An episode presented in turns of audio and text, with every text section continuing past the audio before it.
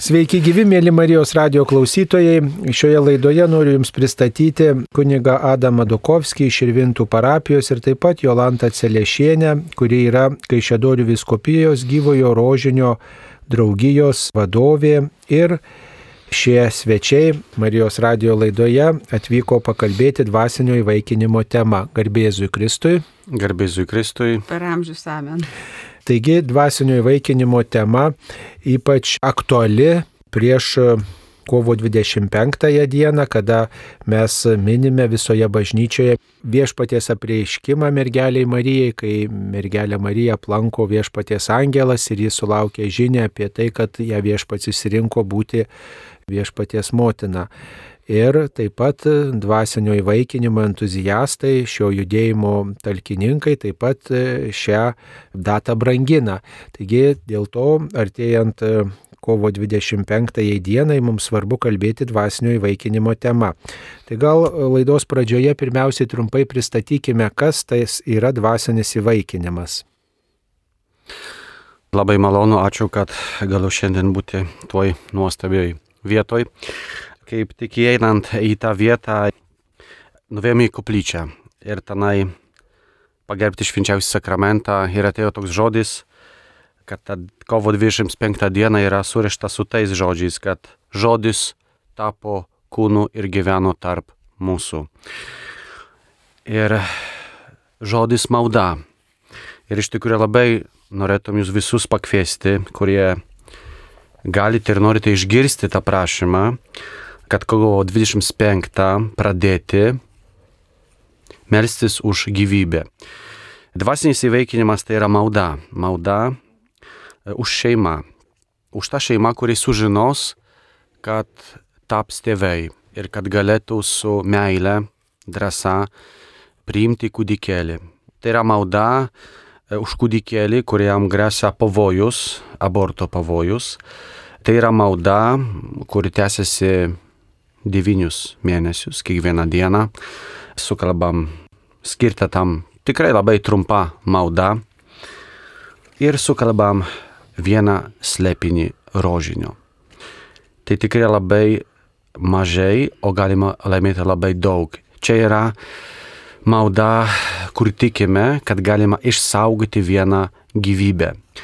Užtat norime priminti ir labai visus pakviesti prisijungti prie tos iniciatyvos, apie tai kalbėti ir pakviesti kitus, kas nori, gali ir tie, kurie nenori, kad pradėtų melsis už gyvybę.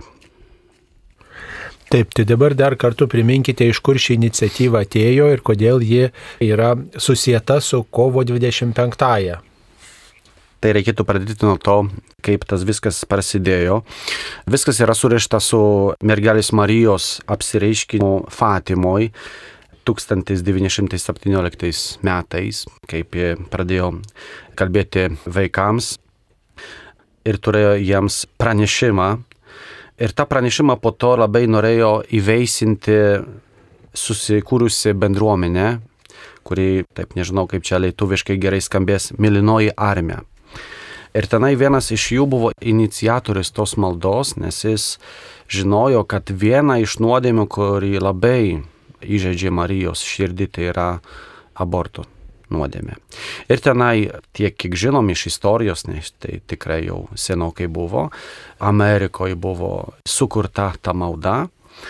Aš galiu pasakyti, kaip ir atsirado Lenkijon, tai vienas kunigas, filosofijos dėstytojas buvus, kaip įdomu, Londone katedroj, nuvėjo tenai pasimelsti ir išeidamas iš bažnyčios ant staluko pamatė atviruką. Tas atvirukas jį kažkaip užkabino, paėmė e, į rankas tą atviruką, pradėjo skaityti ir tenai buvo ta forma dvasinio įveikinimo.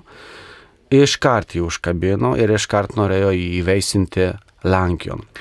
Norėčiau tą pasakyti, kad kiekviena valstybė Nes pagal programėlę, apie kurį turbūt vėliau pasakysime, jau 16 valstybių tikrai meldėsi, kiekviena iš jų turi savo atskirą istoriją tos maldos. Ir mes dabar Lietuvoje kūrėme savo istoriją, bandom melstis už šeimą, už tėvynę, melstis už gyvybę Ir dar prie to norėčiau atsakyti tą klausimą, kodėl kovo 25 dieną. Tai norime irgi paminėti, pagerbti gimusi Kristų, nes nuo kovo 25 dieną, jeigu pridėsim 9 mėnesius, tai gruodžio 25 dieną gimsta Kristus. Ir tada yra tokia proga, kaip karaliai išminčiai ateina prie prakartėlės ir nori aukoti jiems dovanas. Ir mes norime irgi ateiti ir padovanoti Kristui apsaugotą gyvybę. Tai tikrai nuostabus ženklas, nuostabi dovana, nuostabis gilistingumo darbas. Taip pat tą dalyką labai įvertino šventas popiežius Jonas Paulius II, nes, kaip žinome, jam labai Fatimos apsireiškimas buvo svarbios, aktualios, nes kai buvo sužeistas, gegužės 13 dieną 1981 metais. Ir stebuklingai apsaugotas, nes gydytojai sako, kaip tai buvo įmanoma, nes tas Ali Akčia, jis pats netikėjo, kaip jis gali būti gyvas. Nes ta kulka praėjo pagal šventojo organus ir nepažeidė mirtingai jo. Ir ta kulka yra įdėta Fatimoje Marijos karūne. Ir užtat irgi popiežius Paulius II labai kvietė visą pasaulį, ypatingai parašė ir encikliką tam e, skirtą, kovo 25 dieną 1995 metais Evangelium Vita, kur rašo, kviečia, kad melstis ir vertinti gyvybę, tuo pačiu metu ta diena tapo irgi tokia pagrindinė diena dvasinio įveikinimo maldos.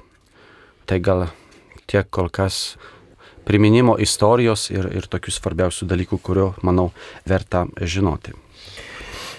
Visada, kai pradedam kažkokį maldingumo vajų, kažkokią tradiciją pradedam naują ar imamės senos tradicijos, visada yra gera žinoti, prisiminti, o koks veiksmingumas tos maldos. Ir čia reikėtų turbūt apie tai irgi kalbėti, iš kur žinoti, kad mūsų ta malda suveikia ir kad mes štai melžiamės už kokį vaikelį Lietuvoje ir pasaulyje Ir kad tikrai ta malda padėjo, kad ta malda veiksminga buvo ir ne šiaip savo čia toksai, nežinau, melžiuosi už ką ir ar tai turi kokią prasme, ar čia svarbu, kad man tai rūpi, ar ir svarbu iš tikrųjų ta pagalba tam vaikeliui.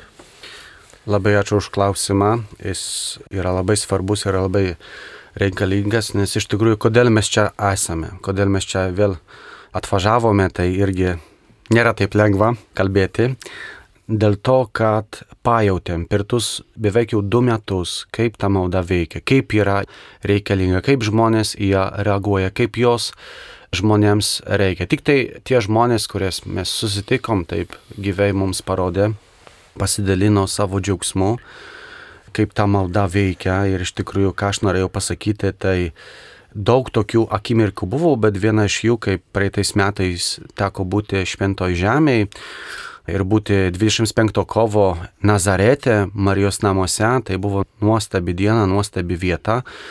Ir tenai pilgrimai pradėjo tą maldą. Praėjo metai ir per Velykas visi su džiaugsmu norėjo labai pasidalinti, nes tie, kuriems padėdavo melstis programėlę, yra sukurta programėlė, kurį galima savo telefonę, kompiuterę įrašyti, reikia įrašyti tik tai adopt live ir išrinkti lietuvių kalbą. Ir jie atsiusdavo nuotraukas savo to kūdikėlio. Viena iš pilgrimų net nutapė tą kūdikėlį. Tai reiškia, kaip giliai, kaip labai stipriai pergyvena tą dalyką. Po to teko irgi kalbėti su viena moterim, toks buvo kaip ir dvasinis pokalbis, pasidalino, labai buvo skaudu, kad negali susilaukti kūdikėlio, kad prarado tą kūdikėlį labai labai sunku. Ir aš pasiūliau, jie papasakojo apie tą iniciatyvą, apie tą maldą, kaip jie apsidžiaugė, kaip jautėsi, kaip jai tos maldos labai reikėjo. Po to žinom taip, apie tai irgi daug žmonių neišdrįsta kalbėti, čia yra tokia labai nauskaudita mano, bet tai buvo, kad jaunystėje kažkaip pritruko tos meilės, drąsos priimti tos gyvybės, atsirado tas abortas, žmonės labai išgyvena ir ta malda padeda jiems tas žaizdas Įgydyti. Įgydyti, iš tikrųjų. Ir čia labai neseniai proga, kaip kalbam su žmonėms, tai aš irgi bandau apie tai pasakyti. Ir pasakiau vienai moteriai apie tą iniciatyvą. Ir pasidalino savo patirtimi, kaip jaunystėje labai sunku buvo jai išnešioti kūdikėlį savo. Na ir buvo ligoniniai, gulėjo labai ilgai, buvo pajungta lašelinė, tenai gal 8 valandos. Ir toj pačioj salėje atveždavo moteris, kurie norėjo padaryti abortą. Ir jie pasidalino, tai jau viena moteris jauna. Jie pradėjo kalbėti, Ji norėjo, kad kažką pasakyti, kad tu to nedaryk, bet ne, aš apsisprendžiau, viskas bus gerai, čia bus greitai ir, ir bus, galim pasakyti, po problemų. Nu ir nuveža tą moterį, atveža ją po kažkokio laiko, sako siaubas. Ji buvo visa apsiverkus. Sako, ką aš padarau. Dieve atleis man, nu į tokią net jie į kažkokią isteriją, jie turėjo iš to kambario net išvežti, duoti jai raminamų vaistų, nu kaip veikia tas dalykas. Tada jau matėsi, kad negalėjo savo to atleisti. O po to kita moteris, truputį vyresnė irgi, kur teko padaryti tą abortą, sako, žiūrėjo į vieną tašką ir nieko nesakė, bet matosi, kad tenai buvo labai didelė kova ir labai didelis, kaip sakant, toks nemalonus jausmas, ką jį padarė. Net truko į žodžių ir ašarau, kad jos, kaip sakant, protadėjo, ką jį padarė, kaip pergyvendo. Ir iš tikrųjų ta malda yra skirta visiems žmonėms. Ypatingai gydyti tas žaizdas po tos nuodėmės, gydyti žaizdas ir tokį skausmą tiems tėvams, kurie negalėjo susilaukti kūdikėlio, kurie praleido tą kūdikėlį kurie laukia to kūdikėlio, kurie irgi meldžiasi, nes jų vaikai laukia to kūdikėlio, labai padeda išsaugoti gyvybę ir už gyvybę melstis toliau. Kaip jūs kunigė ir sakėt, kad vat, prasideda kaip ir vajus ar dar kažkas, bet e, situacija ta, kai pradedi kažką daryti, nes dabar tame esame apie porą metų su kunigu Adomu, tai atrodo, ar tu teisingam keliu, tai iš Dievo, ar tai tu pajėgsi, bet tie liudymai, kurie atsiranda, kur žmonės kalba apie tai, iš tikrųjų labai augina labai sustiprina, kad esam labai teisingam kelyje ir manau, kad tai tikrai didelė pagalba ir sprendimas žmonėm, kurie nežino, ką dabar daryti. Gal tikrai išspręsti problemas, to vieną tą operaciją ir čia viskas įsisprendžia, bet vieną iš liūdimų pats gydytojas yra pasakojęs, kaip jauna moterį norėjo atkalbėti, kad darytųsi abortą. Ir jinai nesutiko su jo nuomonė, bet jisai privalėjo ją siūsti pas gydytojus, jis pats buvo šeimos gydytojas, privalėjo siūsti pas akušerę. Ir tiesiog jis paskambino, kadangi žinojo pas kokią gydytoją jis ir sako, žinai, aš padariau turbūt 90 procentų darbo, gal tu galėtum prisidėti prie tos misijos. Ir tokia kalba ir baigėsi. Praėjo kažkiek metų ir jisai pasakojo, kaip atsiveria duris ir įbėga maža mergaitė, atsisėdo man kelių Ir sako, aš nesuprantu, kas daros, nes jis toks, žinot, augalotas vyras. Sako, nesuprantu, kodėl tas mažas vaikas taip pat sureagavo. Ir paskui eina mama ir mama sako, gydytojau, čia ta mergaitė, kurią jūs išgelbėjot. Tai reiškia, mes kiekvienas tiek malda, tiek kažkokius savo iniciatyvą galėtumėm prisidėti, bet būtent tas iniciatyvas, kurias mes darom, mes iš pradžių turim įsileisti į save, į savo širdį, išgyventi tuos dalykus kad kitiem galėtum sakyti ir e, iš tikrųjų leisti žmonėm kalbėti apie tai, nes liūdimų tikrai yra labai daug. Labai nesenai girdėjau irgi vieną liūdimą, mane kas irgi labai sukretė savotiškai, kai jaunas vyras, ganėtinai jaunas vyras, kalba apie tai, kad jie su žmona pasidarė abortą. Ir ne tai, kad žmona padarė, bet mes su žmona pasidarėm abortą. Ir aš, sako, tikrai tarnauju bažnyčiai ir kiek galiu ir paremiu, ir maldos grupėm tarnauju. Bet niekad neišgyvenau tokio išgyjimo, kai pradėjęs su savo žmona melstis dvasinio įvaikinimo maldą. Tai tikrai ta malda mus tiesiog paaugina, sustiprina ir duoda tam tikrų vaisių gal tie vaisiai, aišku, kadangi yra tai dvasinis įvaikinimas, nėra matomi. Žinot, kai kūdikėlis gimsta, tai mes jį matom. Ir Jėzus kiekvienais metais gimsta ir jis gimsta labiausiai mūsų širdyse. Tai per maldą mes galim keisti savo žvilgsnį, galim tikrai įsipareigoti tarnystėm ir būti toje maldoje, nes be mūsų tikrai nieks daugiau neapsaugos tų vaikelių. Tad ypatingai tie, kas esat patyrę maldos džiaugsmą, jungitės ir tarnaukite, nes tai, ką mes padarome, mes padarome dėl Dievo. Ir jeigu jis mums duoda galimybę tą maldą sukalbėti, tai tikrai jungimės į tą gražų judėjimą, būtent išsaugoti mūsų kūdikius, kuriem ir abortas grėsia, ir sveikatos problemos. Ir per maldą mes tą dalyką galim padaryti. O koks čia yra kunigo dalyvavimas visam šitam judėjime? Ar te kunigas paragina, primena, kaip štai žmonės priima tą kunigo paraginimą, va Lietuvoje jau keli metai tas paraginimas vis girdimas, ar čia reikia dar kunigo akivaizdoje tą pasižadėjimą padaryti ar panašiai? Tai čia jau reikėtų klausyti įvairių kunigų. Bet iš tikrųjų manau, kad žmonėms kunigo paraginimas yra labai svarbus, labai aktualus. Kunigas kaip piemo, jis tikrai, kunigai daro labai daug gerų įvairių dvasinių darbų savo parapijai. Ir žmonėms tikrai reikia apie tai sakyti. Užtat idealus variantas tos maldos tai būtų toks, nu čia yra įsipareigojimas. Devyniam mėnesiam būna kažkam labai tai taip truputį keistai skamba, bet tų įsipareigojimų mes bažnyčiai tikrai turime nemažai, daug. Pavyzdžiui, santokai yra įsipareigojimas visam gyvenimui. Tai manau, kad irgi ta e, malda ypatingai jaunimą auklėja, kad būti ištvirmingam kažkokiai misijai, kažkokiam tikslui. Čia yra tikslas išsaugoti gyvybę. Aišku, mes nežinom, už kokią šeimą meldysim, už kokį kūdikėlį meldysim. Bet užtat pavyzdžiui, čia yra, mes siūlėm kovo 25 dieną, bet čia nėra pasakyta, kad čia turi būti tik tai tą dieną. Jūs galite ir šiandien jau pradėti melstis už tą kūdikėlį.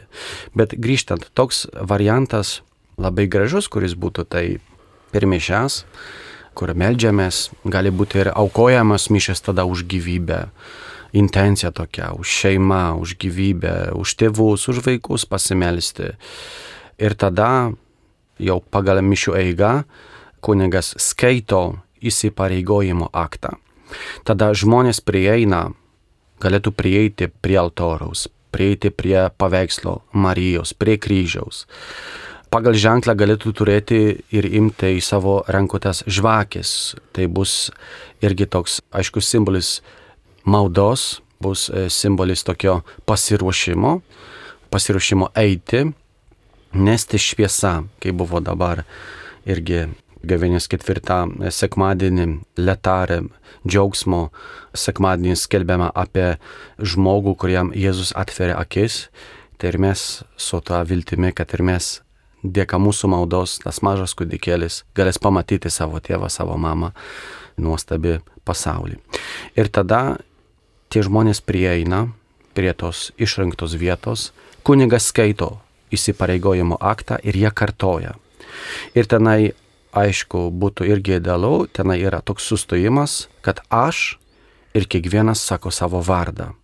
Čia yra toks kaip liūdėjimas prieš visą parapiją, nes iš viso tai visada bus, yra toks sindromas mažumos. Tai aišku, neteis visi iš bažnyčios, nes ne visi išgirsta tą maldą ir tada kunigas gali palaikyti tą maldą ir pasiūlyti, nes ne visi girdi tą, ką jūs dabar girdite, ne visi turės savo rankose tą atviruką ir ne visi turbūt ateis į tas mišes, kur kunigas galės pasiūlyti tą maldą. Užtat manau, kad kunigo misija yra irgi labai svarbi, labai reikalinga ir labai vertinga. Teko girdėti vieną kunigą, kuris pasidalino, kuris aišku yra įsileidęs į savo širdį, nes aišku kunigai kitą kartą pasako, kad nu kaip aš žmonėm kalbėsiu apie tą dvasinį vaikinimą, aš pats vaikų neturiu, bet vat vienas kunigas dalinosi, kad kada viena moteris kreipėsi pas jį dėl labai sunkios savo būklės, dvasinės savo sunkios būklės, kad jie yra per sunku, jinai yra atlikus abortą ir negali iš to pasveikti. Jisai žinodamas šitą dalyką, jisai pasiūlė jai, kad gal tu sudalyvauk maldoj, tarnauk už kitus vaikus, dabo kitus vaikus. Ir žinot, jo labai didelis buvo įspūdis, kad po kažkurio laiko jinai ateina ir sako, kad klebonė labai jum ačiū nes per tai aš išgyvenau savo išgyjimą, per tai aš atradau ramybę. Tai manau, kad kunigo dalyvavimas ypatingas, nes jisai parodo ir aišku apie tai, kaip jisai gano savo vis, kiek jisai pats gali prie to prisidėti. Ir labai būtų gražu, kad būtent tada, kada kūdikėlis gimsta, ne tik kūdikėlis Jėzus, bet ir tas dvasiškai vaikintas vaikelis. Ir mes švenčiam Kalėdas, kunigas pasako ačiū tiem, kas prisidėjo prie šitos programos. Mhm. Čia toks įsipareigojimas trunka kelis mėnesius už vaikelį melstis ir kiekvieną dieną reikia vieną rožinio slėpinį sukalbėti vieną tėvę mūsų ir dešimt sveika Marijų malda, būtent to vaikelio intencija, kad tas vaikelis, nežinau, kur jis yra, bet kad jis gimtų. Bet turbūt dažnai su tais įsipareigojimais būna taip, kad mes ar pamirštam, ar nuovargis, ar tinginystė, ar dar kažkas atima tuos įsipareigojimus, juos kažkur paskandina. Kaip tada vėl iš naujo pradėti, ar čia išpažinti tą pasakyti reikia, kaip tokiais atvejais? kiekvieno vaiko gimimas yra slėpinys ir jis nebūtinai vyksta tą dieną, kada yra paskaičiuota, tai čia nėra kalendorinis reiškinys. Būtų gerai, kad mes visgi prisimintumėm tai, ką įsipareigojom, nežinot, mes daug ką galim ir pamiršti, galim sauliaist pamiršti. Bet jeigu kokią vieną dieną mes užmirštam, tai nieko tokio, jau čia, žinot, dievulis atsirinks. Antra vertus, kaip ir sakau, tie vaikeliai gimsta ir savaitę po to, kai matematiškai buvo paskaičiuota ir panašiai. Tik tai tai, kad netaptų tiek tiesiog įpročių. Tai, vat, žinot, galiu už mėnesio vėl pradėti ir vėl pradėti. Jeigu labai ilgai jau aš pamiršau, tiesiog užsimiršau, tai galiu vėl iš naujo pradėti ir įsivaikinti, nes, žinot, maldos jėga nėra kalendorius, maldos jėga nėra suskaičiuotos dienos, tai yra mūsų tarnystė, mūsų prisidėjimas, mūsų sielos ramybė. Na ir pasidalinkit kokiom istorijom čia Lietuvoje gal jau įvykusiom, kad štai žmogus meldėsi ir, ir suprato, kad tikrai ta malda kažkam padėjo, ar kokiom kitom istorijom, kurios būtų susijusios su dvasinio įvaikinimo tema. Paprastai tie konkretūs faktai, konkrečios istorijos visada širdį užgauna ir, ir priverčia susimastyti, kaip yra mano gyvenime. Na, vieną liūdėjimą galėčiau pasakyti, aišku, dar vaikelis tas, nežinau, jau jų gimęs ar ne, bet viena moteris, kuri padėjo ir išversti tą programėlę, aišku, labai džiugu, kad mes turim ją ir lietuvių kalbą, tai neriboja mūsų tiesiog poreikių, galim ir lietuviškai tą dalyką išgirsti, tai jinai tikrai labai daug dirbo ir tai nėra lengva, žinot, devinių mėnesių maldas išversti. Ir, Tai josios vyras buvo tas, kuris save neatsiduodavo maldai ir jam ta bažnyčia buvo kažkur šalia. Ir jinai labai džiaugiasi, kad jis vakare sako, eina melstis, nes jau laikas. Ir jis daboja tą laiką, kada jau laikas. Ir jisai primena, kad man buvo toks labai didelis stebuklas ir labai didelis parodimas, kad iš tokio tikrai sunkaus darbo toks vaisius, kad žmogus jau meldžiasi. Tai aš manau, kad aišku, tada, kada tu pamatai gimusi vaikelį, labai gerai, bet vat, labai gerai, kad ir šalia yra vyras, kuris meldžiasi kartu su tavimi. Tai aš, manau, kunigo patirtis nėra ilga, bet tiek, kiek teko išgyventi, tai irgi ne vieną kartą e, teko kalbėti su šeima, kurie, nu, paprastai negali turėti vaikų ir dėl to labai pergyvena, jiems irgi labai skaudu, nes tengiasi. Ir žinau, kad tokia viena pažįstama pasiūlė tą maldą. Iš pradžių taip nelabai norėjo, nes viskas, kas, kas yra vertinga, tai kainuoja. Bet pradėjo melstis iš tikrųjų. Ir, ir po kažkokio laiko, nes čia lankinio ta malda yra žinoma jau truputį ilgiau, Ir taip džiaugiasi, sako, negaliu turėti savo vaikų, bet jau dvasiškai, tai jau čia yra mano penktas vaikas. Ir taip džiaugiasi, nes tikrai tiki, kad nors pati negali turėti vaikų, bet kažkur žino, kad yra išmestas tas jos vaikas ir jai tai buvo didelis džiaugsmas, suteikė daug vilties. Tai buvo kelias, kaip sakant, kitaip išgyventi irgi su vyru santoką. Ir manau, tikrai, jeigu Dievas davė tą malonę, kad mes galim turėti tokias patirtis, mes tikrai turėtumėm pasinaudoti ir tiesiog pasakyti Marijai taip, nes jai irgi nebuvo lengva pasakyti. Tai nebuvo, kad jinai iš karto apsidžiaugiuoja, kaip gerai grįšiu dabar besilaukianti kūdikio ir mane apmėtys akmenėmis. Bet jinai, kad ir dvėjodama, bet pasakė taip. Tai moteriai taip pat yra nelengva, nes tai nėra paprastas dalykas, tai yra galų galia irgi fiziologiniai tam tikri dalykai ir tam tikri sunkumai. Ir šitoje vietoje man dar labai aktualus dalykas, kad kuo daugiau vyrų įsijungtų į tą maldą. Nes tai jie yra mūsų juozapai, kurie mus apgobė ir eina su mumis tuo gyvenimo keliu, kad tie vaikeliai auktų šeimoje aš labai siūlyčiau, kad tai būtų tiesiog šeimos malda. Ir man labai gražu, kad kažkur tai tu nueini ir tau kažkas pasakoja, kad jis jau arba pradėjo, arba jau pagimdė, šiandien kaip tik girdėjom, kaip moteris klausė, sako, mano vaikelis gimė šiandien, gal aš galiu duoti jam Juozapo vardą. Tai labai yra brangus dalykas, kad žmonės net nori duoti vardus, o vardas tai yra būtent įesmeninimas to veiksmo, to vaiko, kuris yra atėjęs į šį pasaulį. Nors jinai jo nematė, jinai buvo tik tai dvasinės iššios to vaikelio ir laikė tik tai rožančių rankose. Jolanta pasakė, kad kunigas negali turėti vaikų, o taip pagal dvasinį būdą, tai mano gal jau šešioliktas bus. Visa darželio grupė tuoj bus. Na, o tai gal daugiau kokių liūdėjimų esat girdėję iš tų žmonių, kurie dalyvauja konkrečiai. Kunigo girdim jūs kaip globėja, kaip palydėtoja iš to judėjimo, o ką masto jauni žmonės, kurie galbūt pasirenka tokį kelią. O beje, ar tai yra vyresniųjų žmonių pamaldumas, prilipęs pasaulyje Lietuvoje, ar jaunesnių šeimų, kaip pat minite? Aš galiu pasidaryti tokiu savo liūdėjimu Vieną kartą teko Lankijon dalyvauti, toks buvo žygis, e, dviračių žygis. Ir tai buvo tas žygis surištas su gyvybė, pro-life. Mhm. Ir mes darėm tokią sondą, zondą, nežinau kaip, eido, ėjom į, į gatvės. Bandymas toksai. Bandymas jo, jo ir užkalbėdavom žmonių. Užkalbindavo įvairius žmonės. Jo, ką masto apie, apie abortus.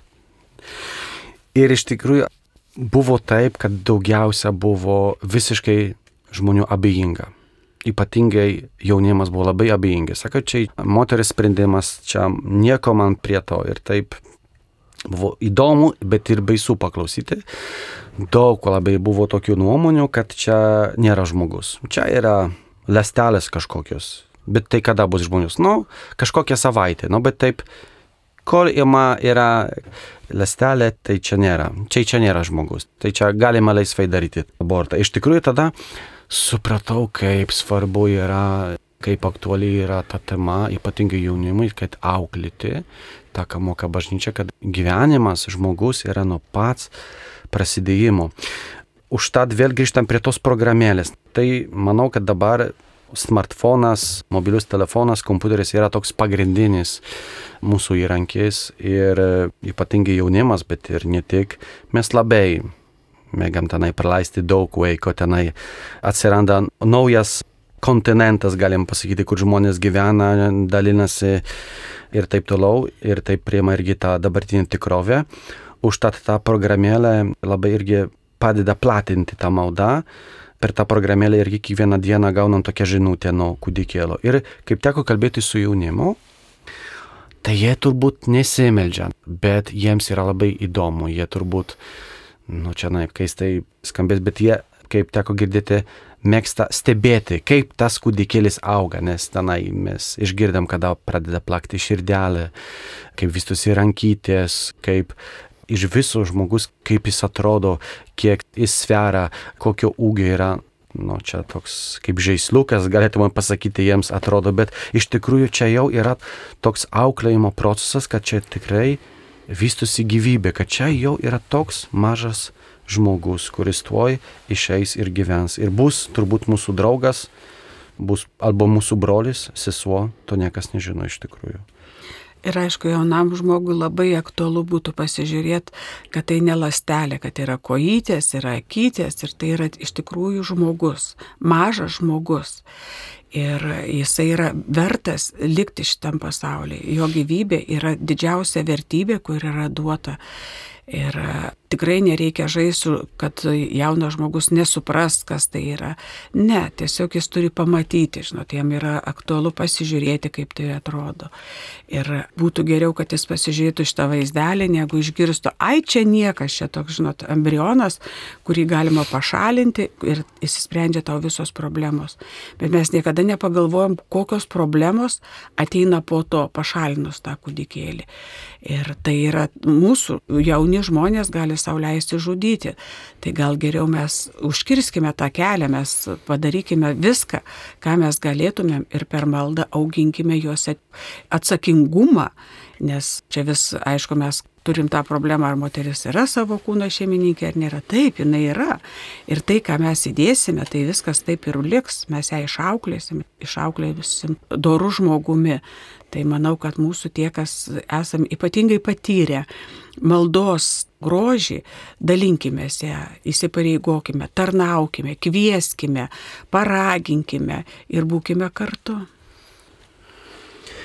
Tai turbūt dar vienas toks svarbus dalykas, kad žmonės gerbtų gyvybę ir prie to prisidėtų. Tas toksai turbūt širdies atvirumas reikalingas, kad ne tik tai mano gyvybė svarbi yra, ne tik tai mano artimųjų, bet ir apskritai žmogaus gyvybė, ne tik tai mūsų tėvynė, bet ir toli nuo Lietuvos, kur bebūtų, kad kiekvienas žmogus, kuris jau beldžiasi į šitą pasaulį, kad jis turėtų teisę gimti. Taip, tai tikrai yra labai svarbi mūsų tarnystė ir žinot, net pasakymas, kad aš įsipareigoju ir to vaiko aš nepažįstu, žinot, mes visą laiką norim apčiopiamumo, mes norim žinoti, už kokį vaiką, mes norim žinoti, kada. Tai pavesti save Dievui, pavesti save Dievui ir Marijos globai.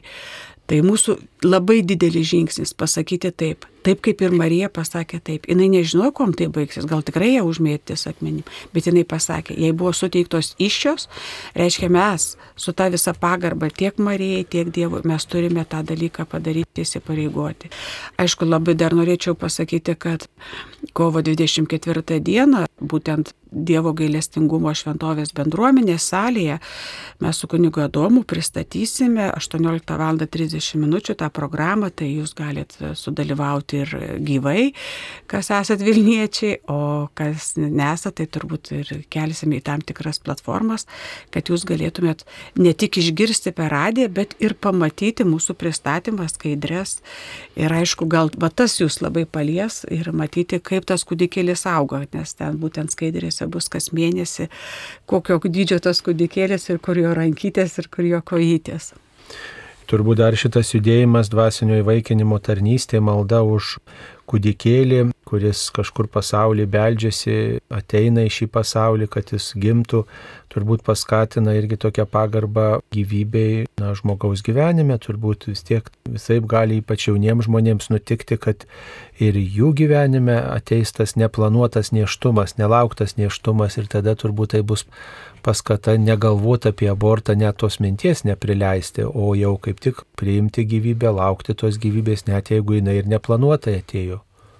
Tikėkime, kad tai bus, kad jaunimas turės tos drąsos priimti, kad norės atsakinti, kurti šeimą.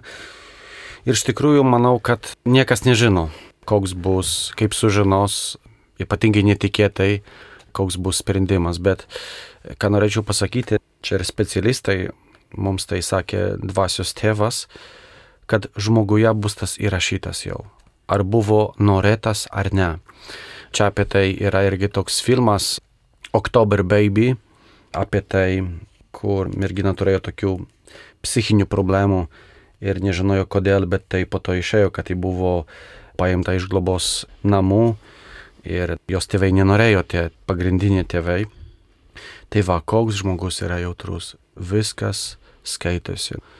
Dievas mus sukūrė iš meilės ir kiekvienam žmogui, kaip oro, kaip vandens, tai dar daugiau reikia meilės. Užtat ta malda visada mus visus auklėja, suteikia mums drąsos, išminties apie tai kalbėti, nes pavyzdžiui, kiek teko jau girdėti ir irgi skaityti, aišku, čia yra baisu, bet vieną skaičiau, kitą girdėjau neseniai, skaičiau tokiam laikraštį, kai gydytojai sakė mamai, kad, kad mergaitė gims ir iškart numirs, arba jeigu gyvens, tai bus labai sunkiai serginti. Ir paprastai buvo pasiūlymas, kad padaryti abortą. Ir pagal išminti tai turbūt taip reikėjo padaryti, bet mamos instinktas, mamos meilė yra stipresnė ir tas noras nesako. Ar aš turėsiu jo minutę, dvi, aš noriu tą vaiką pagimdyti. Ir šiandien jos dukra, aišku, turi truputį kažkokią problemą su širdimi, bet tai nei kaip netrūdai gyventi. Ir nuostabi mergina, moteris, turinti jūs vaikus ir didžiausias džiaugsmas ir mamos pasididžiavimas, kad išrinko meilę. O kitas irgi toks liūdėjimas, kaip irgi gydytojas tenai, ar tenai nežinau, kas labai irgi siūlė, kad, kad atsakyti to vaiko, nes bus labai nesveikas, bet mamos širdis, mamos meilė buvo didesnė. Ir va šiandien turi dukra, aišku, rehabilitacija, bet yra džiaugsmas, gyvybė ir manau, kad tas pasididžiavimas, kur meilę laimėjo. Ir aš galvoju, jeigu jauni žmonės žinotų, kad už jų tą apsisprendimą meldžiasi, kad už tą vaikelį, kuris yra jų iššiose, tikrai yra meldžiamasi, jiem būtų galbūt lengviau išsaugoti, nes, žinot, vat, irgi yra vienas liūdimas, kad moteris norėjo pasidaryti abortą ir kada jinai jau ėjo tuo keliu link gydytojo ir jinai kažkaip susivokė, sako, Bet ašgi esu krikštyta, aš esu katalikė, tai ar aš galiu žudyti kitą žmogų? Tai manau, kad ne tik melsis, bet ir jauniems žmonėms reikia kalbėti, kad ta gyvybė yra saugoma maldoje, kad tau yra labai didelė laimė, kad tu esi moteris, turi iššias ir tu tuose iššiose turėtum išauginti tą vaikelį, už kurį jau yra melžiamasi. Tai kuo mūsų daugiau susidarys, kurie melžiasi, tuo, žinot, moterim bus tvirčiau pasitikėti, kad tikrai už jos vaikelį jau melžiasi. Taip, mėly Marijos radio klausytojai, šioje laidoje kalbėjo dvasinio įvaikinimo idėjos populiarintojai, entuziastai, kunigas Adam Adukovskiai iš Širvintų parapijos Kaišėdorių viskupijoje ir taip pat Jolanta Celiešienė, Kaišėdorių viskupijos gyvojo rožinio draugijos vadovė, kuriai šita dvasinio įvaikinimo tema yra artima. Juos kalbino aš, kunigas Saulis Bužauskas, neseniai paskirtas Kauno arkiviskupijos auxiliaru. Tegul tas rūpestis gyvybė būna visų mūsų rūpestis, ne tik tai moterų, ne tik jaunų moterų, bet ir visų mūsų, kad mes gerbtume gyvybę ir prisidėtume prie kiekvienos gyvybės išsaugojimo. O laidos pabaigoje kviečiame pasimelsti dvasinio įvaikinimo maldą. Viešpatie Jėzau Kristau, užtariant tavo motinai švenčiausiai mergeliai Marijai, kuris su meilė tave pagimdė, ir šventajam Juozapui, kuris globojo tave po gimimo, meldžiu už negimusi kūdikį, kurį dvasiškai įvaikinau ir kurio gyvybei grėsia pavojus. Prašau suteikti jo tėvams meilės ir drąsos išsaugoti savo kūdikio gyvybę, kurią tu pats jam davėjai. Amen. Amen. Tegul ši malda iš tiesų mūsų stiprina ir atlieka dvasinį darbą žmogaus gyvenime. Ačiū Jums. Ačiū. Ačiū. Sudien.